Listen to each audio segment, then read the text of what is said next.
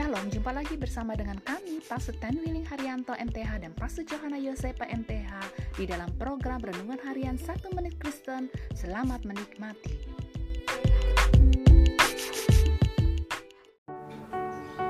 Shalom saudara-saudara yang sangat berharga di hati Tuhan. Firman Allah hari ini mau mengingatkan kepada kita, buanglah pikiran yang negatif.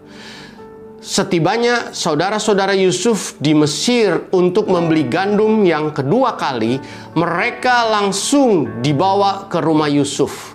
Tujuan dari mereka ada di rumah Yusuf karena Yusuf mau mengundang mereka untuk makan siang bersama-sama.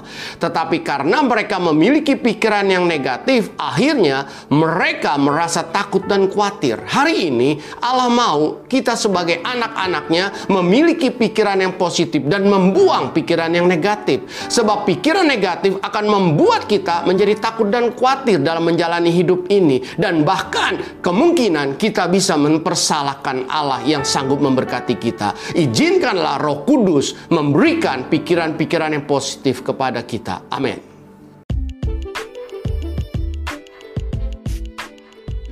Kami mau jadi berkat. Kalau saudara memerlukan dukungan doa, hubungi kami di plus 62 812 9332 8339. Sampai jumpa pada episode berikutnya. Tuhan Yesus memberkati.